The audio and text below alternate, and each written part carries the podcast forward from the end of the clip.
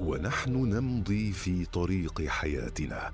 نمر على نقاط مهمة قد نغفل عن أهميتها أو تكون خارج نطاق رؤيتنا. نقط عمياء مع إبراهيم العجمي.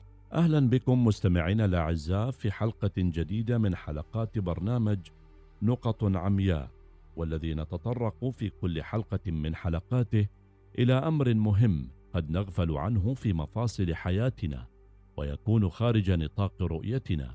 فنمضي في ممارسته فيشق علينا فعله أو يحرمنا الترك فوائده. في هذه الحلقة يعتقد كثير من الأزواج أن العلاقة مع أهل الزوج أو الزوجة قد تضر به وبأسرته أو أنه يضع هذا النوع من العلاقات في بند المجاملات لا أكثر لإرضاء شريك الحياة. اعتقادا منه أن هذه العلاقة غير مهمة وليس لها تأثير مباشر على حياته ما دامت علاقة الزوجين ببعضهما البعض جيدة. غافلين عن أن الزواج ليس ارتباطا بين الشخصين فحسب وإنما هو التقاء ثقافة بثقافة وارتباط بين عائلتين قد تكبران وتتوسعان مع الأيام. ويعتبر ذوو الاختصاص أن المعاملة الطيبة لأهل شريك الحياة هي ترجمة حقيقية لمحبته لشريكه فالحب ليس كلمات مزينة جوفاء بل هو عطاء وبذل وتضحية من أجل راحة المحبوب. وليس أحب إلى الزوج أو الزوجة من رؤية الانسجام المتبادل بين أهله وبين شريك حياته. لذا يعتبر الأزواج الطبيعيون تلك المعاملة الطيبة لأهل شريك الحياة هي أكبر دليل على محبتهم ومودتهم وقد يصل بعضهم في حبه لشريك حياته إلى أن يصل ويقدر كل إنسان له علاقة بمحبوبه كأصدقائه وأصحابه. فها هو رسول الله صلوات الله عليه يبعث بالهدايا لصويحبات زوجته خديجة بعد وفاتها وفاء لها وحبا وحفاظا على المعروف وتشجيعا عليه.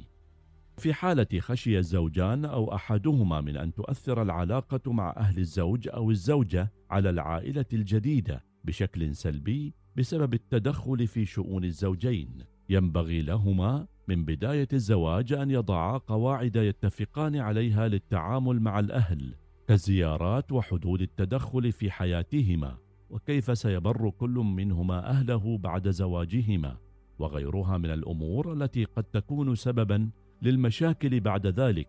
ورغم أن تدخلات العائلة الكبيرة في شؤون العائلة الصغيرة تقل كلما مضى الوقت وخاصة إذا كثر الأبناء وأصبحت العائلة الصغيرة كبيرة. هنا سيحتاج الأبناء إلى الشعور بالانتماء للعائلة الكبيرة الأم كما هم بحاجة للشعور بالانتماء للعائلة الصغيرة. فما يراه الطفل من الانسجام بين كل من أبويه وأهل الآخر يؤثر في تقديره لأبويه. ويعوده على برهما والإحسان إليهما.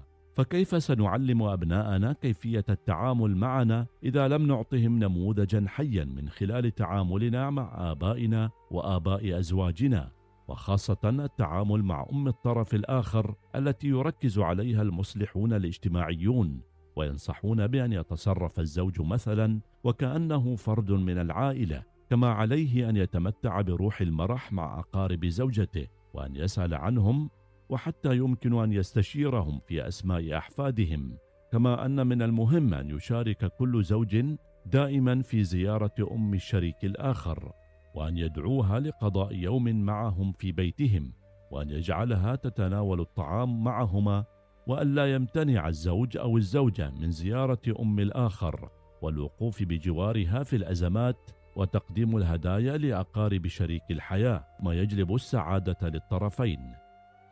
في هذه الحلقة مستمعينا الأعزاء وجهنا الضوء على نقطة من النقاط التي يغفل عنها البعض أو تكون خارج مجال رؤيتهم وهي عدم الاهتمام بأهمية العلاقة مع أهل شريك الحياة ظنا بأنها غير مهمة أو مضرة. على أمل أن نلتقي مع نقطة أخرى من نقط عمياء. إلى اللقاء. نقط عمياء مع إبراهيم العجمي يوميا في الأوقات التالية السابعة وخمسة عشرة دقيقة الثانية عشرة وخمسين دقيقة الثامنة وعشرين دقيقة. نقط عمياء يأتيكم برعاية BMW. استمتع بعروضنا المميزة على جميع السيارات خلال شهر رمضان واحصل على فرصة الفوز بسيارة Z4.